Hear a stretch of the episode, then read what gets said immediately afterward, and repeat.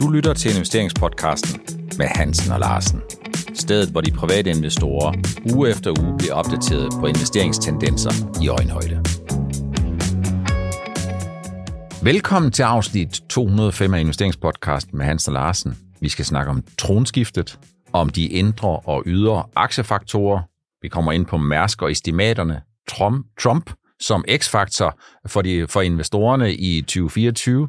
Vi skal snakke lidt om amerikanske investeringsbanker, og så kunne jeg godt tænke mig, at vi bare slutter en lille smule af med, at det ser ud som om, at priserne på elbiler, de stadigvæk ruller baglæns, og hvad det betyder.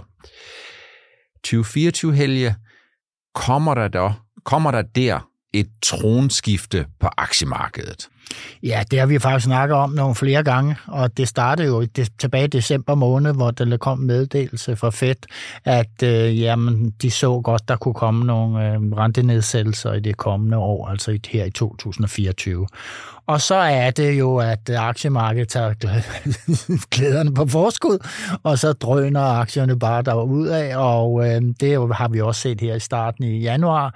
Men så kommer der igen nogle meddelelser fra nogle af høne i Fed, eller nogle af duerne, der er blevet til høge, høge de skifter, øh, kar, øh, skifter fjer lidt en gang imellem.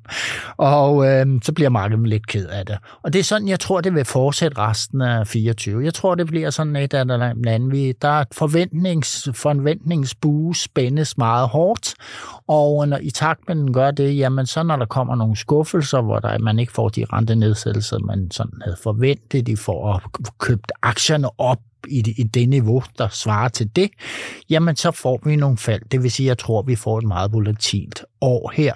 Men øh, slutresultatet bliver, at vi kommer nok til at lægge noget højere end på aktiemarkedet generelt, og bredere, end øh, vi har gjort i 23.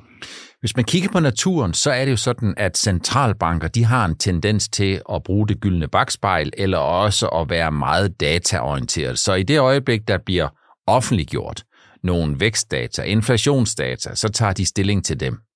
Men investorerne, de er jo altid fremadskuende, de løber på alle hele, halve og kvarte chancer. Så derfor er det vel ikke så mærkeligt, at centralbankerne forsøger at hive renteforventningerne lidt indad igen, fordi de tænker, ikke nødvendigvis de er blevet overfortolket, men de tænker, at de skal have de bedste muligheder for at kunne indfri det, som investorerne de gerne vil se, og der er de altså nødt til i stedet for at få investorerne til at sige, at seks amerikanske rentenedsættelser er en done deal, så måske snarere sige, der kan komme tre til fire, og resten, det må vi se på.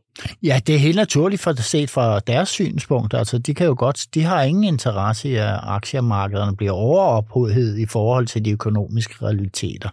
Og det, sådan, det, sådan skal man jo øh, opføre sig som en bankmand, ikke? ikke kun i centralbankerne, men i andre banker. Man skal sådan lige sørge for, at der, det hele ser fornuftigt og rimeligt ud. Vi kommer senere lidt tilbage til Mærsk og øh, udfordringen, der er nede i det Røde Hav, og den øh, betydning, det har haft for raterne, men ikke for indtjeningsforventningerne endnu. Men er det sådan, Helge, undrer det dig, at øh, oliepriserne ikke stiger, og at vi ikke for alvor ser en geopolitisk opblusning, fordi vi jo kan se, at Hamas og Hezbollah og Israel og Iran og hvad vi ellers har, hutierne dernede, laver jo masser af ballade og er meget uenige. Øhm, jeg følger olieprisen meget tæt, fordi den er meget vigtig i relation til noget, jeg sådan investerer lidt i, og det er ikke nogen hemmelighed, det er inden for shipping med tankers og, øhm, og LPG og LNG og så videre. Så jeg føler, de der råvarepriser rigtig meget hårde, øh, øh, tæt, også, også gassen ud over olien. Og jeg må sige, det der med olie, er der noget, der driver olieprisen? Det er jo, at der er en stor efterspørgsel, altså i, i, for øjeblikket, og så fremadrettet. Og det, der sker i Kina, og de tal, vi ser over for Kina på deres vækst derovre, det er altså meget afgørende for niveauet på, på olieprisen. Og så kan det godt være, at der er lidt øh, trafikale problemer nede i Røde, Rødehavet, ikke? Mm. Øh, som man normalt vil sige, lige så snart der er et problem i Mellemøsten, så stiger olieprisen. Men sådan er det ikke længere.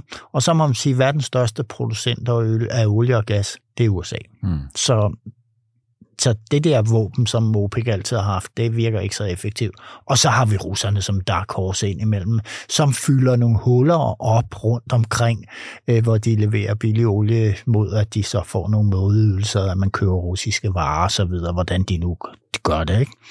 Så det, jeg synes, det er helt det er som det skal være, det her med olieprisen. Jamen et niveau, hvor den ligger nu, øh, 77 til 80, jamen det virker sådan meget logisk.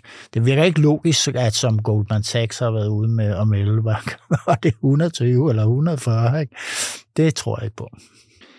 Er det sådan, at investorerne øh, hvad skal man sige, løber lidt i forvejen og siger, at dels så bliver det jo snart forår på den nordlige halvkugle, men er der også nogle investorer, som kigger lidt i det, der hedder 2035 spejl, der hedder, der skal verden gerne være meget grønnere, eller vil du mene, det er lidt at lægge nogle ord på en vægtskål, hvor der ikke er mange kilogram på? Det tror jeg faktisk ikke, de gør. Altså, jeg tror, de regner med, at øh, i takt med, at, øh, at investeringerne drosles ned for at finde mere olie, så giver det ligesom sig selv. Ikke? Så får man mindre udbud, og det vil stadigvæk holde prisen højt op. Men der er jo ikke nogen, der rigtig er lang for alvor i, i olien. Det håber jeg da ikke, og man kan se, at øh, de forudsigelser, de nordmændene, de er kommet med deres vismænd deroppe og, og oliefonden der, det, at man, man regner med, at det er for nedadgående interessen for, for olie. Så hvis man skal kigge på investorerne, så vil mit take, det vil være, Helge, at den største risiko, man ser i 2024, jamen det er, om centralbankerne ikke kan indfri, eller ikke kan være i nærheden af at indfri de renteforventninger, som investorerne har indstillet sig på. Er du enig i det? Ja, det er fuldstændig enig i, men snakker vi om markedet være tilfreds med fire, øh, fra mit synspunkt, så vil jeg synes, det, det er okay. Øh, og, og så kan man jo se, jamen så må man se, Øh, må vi se om øh, recessionsspøgelset, øh, hvor, hvor, hvor voldsomt det tordner frem her i, i år. Altså, det, jeg synes, jeg synes, at det, det her med, at vi har så stor beskæftigelse rundt omkring i USA, og vi faktisk også mange steder i Europa, det holder hånden under markedet på det område. Jeg tror, noget af det, som investorerne er, lidt forvirret over, det er, at de ydre omstændigheder med hensyn til det at investere, de er måske sådan, at væksten er der, eller også er den der ikke, og man er lidt nervøs. Men det, som jeg tror, at investorerne kommer til at fokusere mere på, det gør de ikke lige nøjagtigt i dag, onsdag, hvor vi optager, fordi der er man optaget svage væksttal fra Kina, men det er, at man kigger på de indre faktorer. De indre faktorer, det er jo dem, som jeg kalder, øh, om investorerne får lyst til at købe flere eller færre aktier. Jeg tror altså, det kommer til at gøre det, det positive udslag, med mindre det selvfølgelig er sådan, at centralbankerne øh, slår bak og slet ikke regner med overhovedet, at de skal sænke deres renter i 2024. Så får vi et helt andet scenarie. Ja, og min, min, det, det, det, det er faktisk samme, jeg tænker på, som du gør der, men øh, jeg tror, at vejen kan godt lige lidt bumpet, fordi det er igen det der med, så kommer forventningerne højt op, og ja, men så bliver de lige sat lidt tilbage, så falder aktien, og så kommer forventningerne op igen, og sådan at man lader sig til styre nøgletal, og hvad centralbanken kommer med, men, øh, men retningen er, synes jeg, ret klar.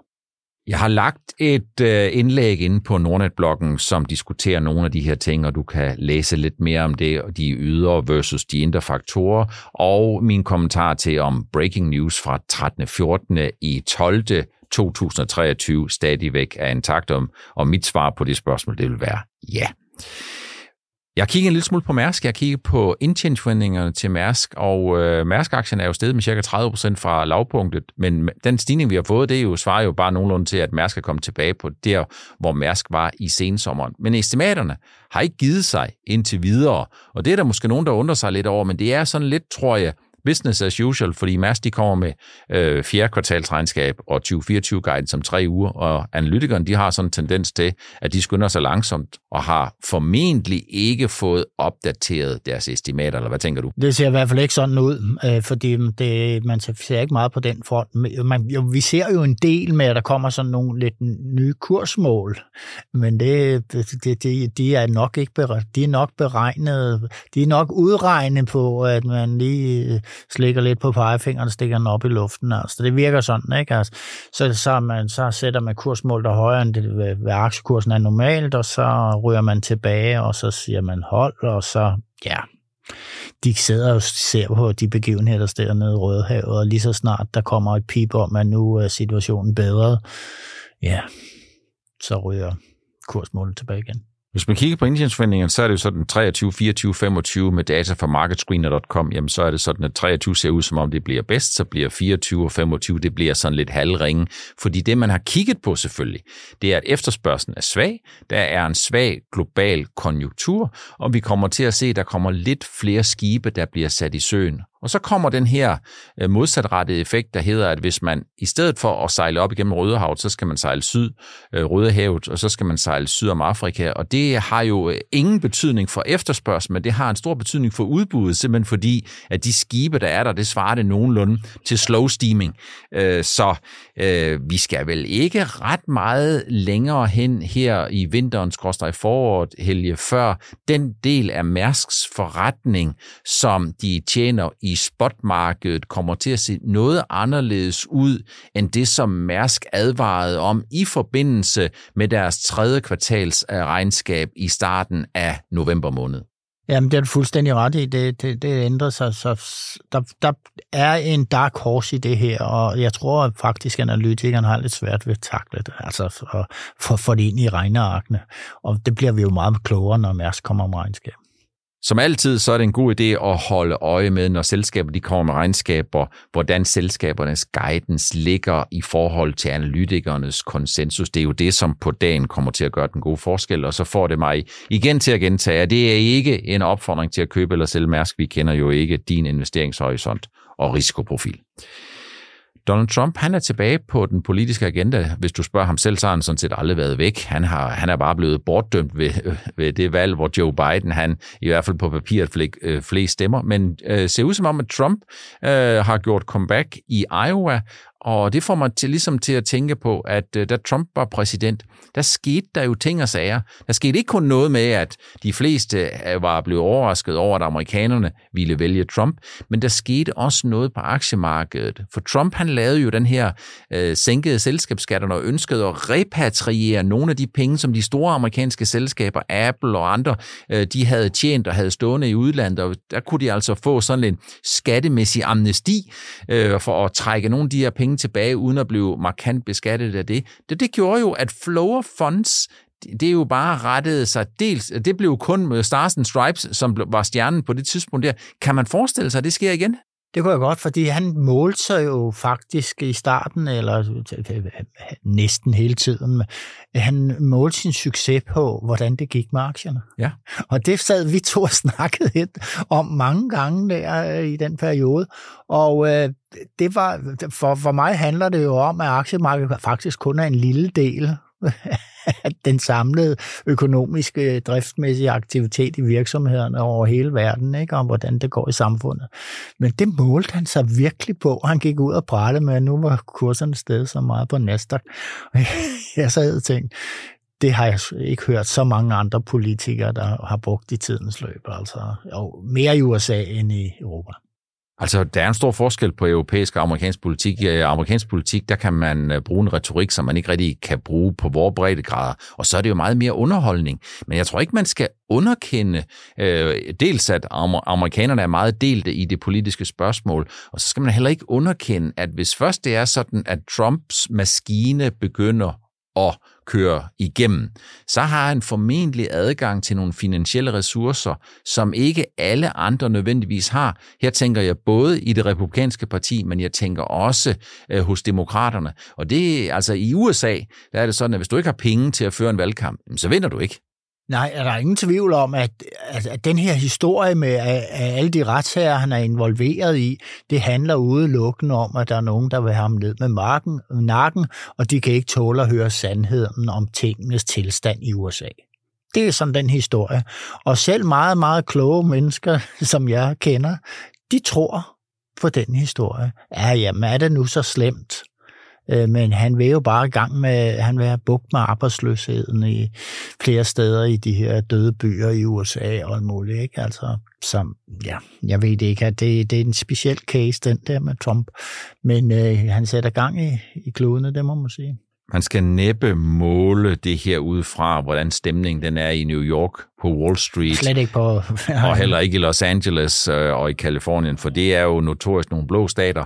Ja. Øh, men det er jo sådan, at den her globalisering, den deler jo stadigvæk vandene. Vi så det i England med øh, Brexit, vi så det med Boris Johnson, og vi har også set det andre steder, hvor det er sådan, at nogle af dem, der ligesom har en tendens til ikke at snakke så meget om betalingsbalance, løbende poster eller skrå skattelofter eller alle dynamiske effekter, men måske mere tage udgangspunkt i noget af det, som interesserer nogle af dem, som synes, de har fået for lidt opmærksomhed, jamen der kan det jo godt flytte noget, og det synes jeg ikke, at investorerne skal politisk fokusere på, for det ved jeg slet ikke noget om, men de skal ikke undervurdere og underkende, at hvis først Trump får sin valgmaskine i gang. Hvis først det viser sig, at DeSantis og Nikki Haley ikke har nogen muligheder for at blive valgt, så tror jeg ikke, at republikanerne har noget valg, og derudover så tror jeg faktisk også, at øh, så vil der være øh, en, en vis medvind til det der, og det er altså noget, som investorerne på et eller andet tidspunkt begynder at købe ind på. Det er derfor, jeg siger, jeg synes, man skal holde øje med det. Jamen det ser man. Der har også været en bølge i Europa, og vi har også set det i Danmark, at protestpartier, de, de står meget stærkt, fordi de har et simpelt budskab, de kan gøre frem med. Og Trump, øh, hans valgmøder, det er jo ikke sådan øh, valgmøder, som vi ellers kender det. Det er sådan en one-man-show, altså stand-up-show, hvor han bare får lov til at sige det ene efter det andet, og så kører han løs der, og det er vældig, vældig populært blandt hans tilhængere. Og når du taler til noget, der er nemt at forstå, og det gør han jo, Øh, også for eksempel det her, vi har mærket inden for farmainvesteringer, det her med, at øh, priserne, det er der gør alle præsidenter, de siger, at priserne skal ned på medicin. Men det gør han jo rigtig meget ud af en periode, indtil han fandt ud af, at det, det var nok ikke så nemt, som han regnede med. Så det er jo sådan, at øh, man skal i hvert fald kigge på, at, øh, at, at Trump som faktor kan få en, øh, en, en betydelig effekt, hvis det skulle være sådan, at man må ikke blive overrasket en morgen, hvis man lige pludselig vågner op og siger, at nu er Donald Trump altså blevet nomineret som det republikanske partis præsidentkandidat. Vi har fået øh, en del regnskaber indtil videre. Vi har fået en del regnskaber fra bankerne. Bankerne, de amerikanske banker, hensætter lidt mere til tab og indsættelser. Øh, så har vi fået i den her uge, der har vi fået et par regnskaber fra investeringsbankerne Goldman Sachs og Morgan Stanley. Og øh, Goldman Sachs, altså de trumfer jo tingene og er rigtig gode inden for trading, og det er nok en af årsagerne til, at de sådan kommer godt ud. Men Morgan Stanley måske knap... Mere traditionel, ikke? Ja, mere traditionel. Men det er ikke sådan, øh, synes jeg, at, at investorerne sådan altså virkelig køber ind på en case, der hedder, at 2024 bliver et rigtig godt investeringsår. For vi ved jo, hvis aktier stiger, hvis obligationer stiger, hvis renterne de falder, jamen så, får der, så er der fuld plade og fuld bingo. Så er der både mange virksomhedshandlere, så er der masser af risk on, og så er der masser af handelsindtægter. Men det er jo ikke sådan det, vi sådan for alvor kan se øh, efter de regnskaber, som jeg har set i hvert fald. Nej, det kan man ikke, Per. Og, og en af grunden til, at man, det, man er til kan tage sådan et emne som bankerne op, som du er ekspert i, det er jo netop det her, at de, de, de, de, altså de er nogle indikatorer på noget, der sker underliggende i samfundet, og en udvikling, der kommer i samfundet, fordi de er jo afhængige af, at der er gang i, i, i, i væksten, så får de jo nogle indtægter på den konto,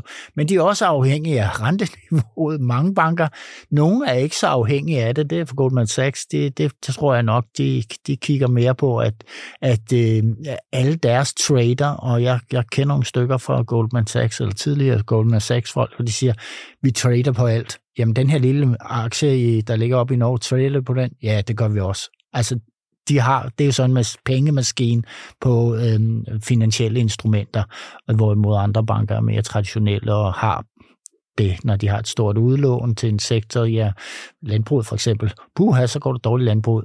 Jamen, så kan vi også forvente, der skal hensættelser på i den her bank. Mm. Ikke? Hvis man kigger i USA, så virker det sådan lidt som om, at der er ingen over og ingen ved siden af JP Morgan og Jamie Dimon. Han er jo, han er jo altså en meget stærk øh, personlighed. Kigger man på de danske banker, så er billedet, det er vel stadigvæk det, som vi har diskuteret nogle gange, Helge. Prisfastsættelsen, den er lav, men investorerne er fuldt fokuseret på, at 2023 vil blive tæt på det bedste, vi får i den nuværende cyklus, med nogle undtagelser. Vi var jo inde på det i sidste uge med Danske Bank, som, øh, hvor investorerne ligesom tror, at de har et bedre indtjeningsstamina øh, over for faldende renter. Og så køber investorerne ikke sådan rigtig ind på et indtjeningsniveau, der er højt. Og det er jo vel øh, en lille smule anderledes end det, vi ser i USA. Jamen, kan det være øh, investorerne, der løber foran, Per, fordi at de regner med, at renterne skal falde? Jamen, så er der ingen grund til det. Og så er der det her recessionsspøgelse, så tager de måske begge de her to negative ting ind i deres beregninger og kalkulationer på, om de skal investere i de her bankaktier. Kan det være sådan?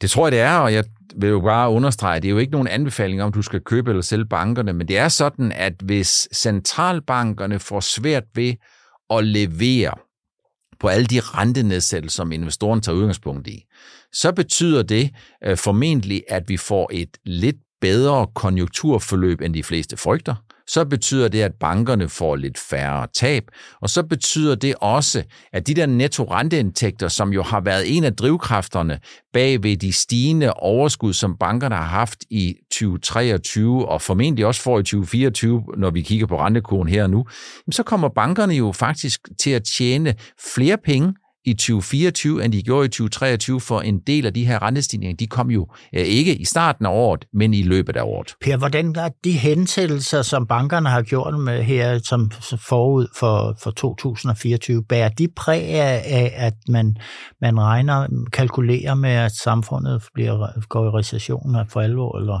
Nej, det gør de faktisk ikke. Så hvis man kigger på de danske banker, øh, så er det sådan, at ja, selvfølgelig vil der være nogle tab. Sådan er det, og sådan skal det også være. Jeg synes, for... jeg så nogle meldinger her sidst på året, at det, det, det, det, ville nok blive højere, end man havde, sådan havde gik at regne med derude i markedet. Jeg tror, det, som har fået mest opmærksomhed, det har været, at der vil være en stor stigning, og der skal man jo altid huske på, at hvis udgangspunktet er tæt på nul, eller hvis udgangspunktet er tilbageførsler, så en stor stigning, det skal man være lidt varsom med med hensyn til procenter og hvordan man regner de der ting ud. Så jeg tror ikke, at vi kommer ind i en situation, og det tror jeg heller ikke investorerne køber ind i, at vi lige pludselig kommer til at se fra de danske banker, at tab- og hensættelsesniveauet kommer til at eksplodere. Og det gør det ikke af den simple årsag, at vi er 3 millioner øh, mennesker i Danmark, som er i beskæftigelse. Og hvis man er i beskæftigelse, så er mulighederne for, at man kan fastholde sit job eller få et andet job, hvis det er sådan, at man skulle være så uheldig at miste sit job. De er jo alt andet lige gode, og hvis man er i beskæftigelse, ja, så kan man formentlig som udgangspunkt betale sine regninger. Så kan der komme nogle tab, øh, og hensættelse på virksomhederne. Og det skal der gøre en gang imellem. Og når jeg siger, at det skal gøre det, så er det ikke fordi, jeg ønsker, at der skal komme tab og hensættelser. Men så er det fordi, hvis der aldrig kommer tab, så låner man jo simpelthen for lidt ud. Så låner man kun øh, til Helge Larsen, for en anden og alle deres venner. Ja, ja, det er godt med dig, Per.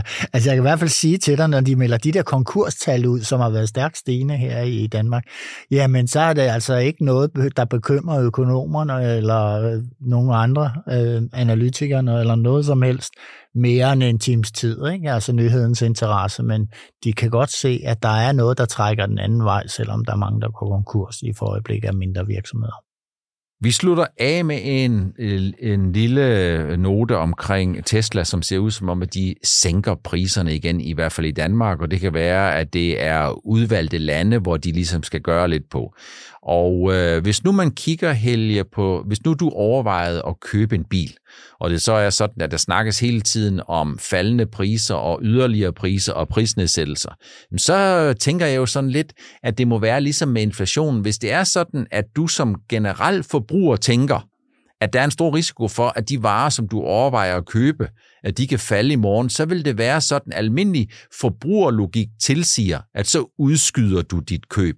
Så er der ikke en risiko for, når nu Tesla bliver ved med at reducere sine priser lidt, fordi de ved, at det gør mere ondt på deres konkurrenter, end det gør på dem selv, er der så ikke en risiko for, at der uanset om alle de fordele, der er ved Tesla, som Tesla selv påberåber sig, at, at øh, dem, der skulle købe en Tesla, de på et eller andet tidspunkt siger, nu synes vi da faktisk ikke, det er sådan super sjov at se en situation, hvor det prisen på det, vi købte for et par år siden, er faldet ekstraordinært meget. Ikke kun på slitage, ikke kun på værdiforringelse, men også på faldende priser.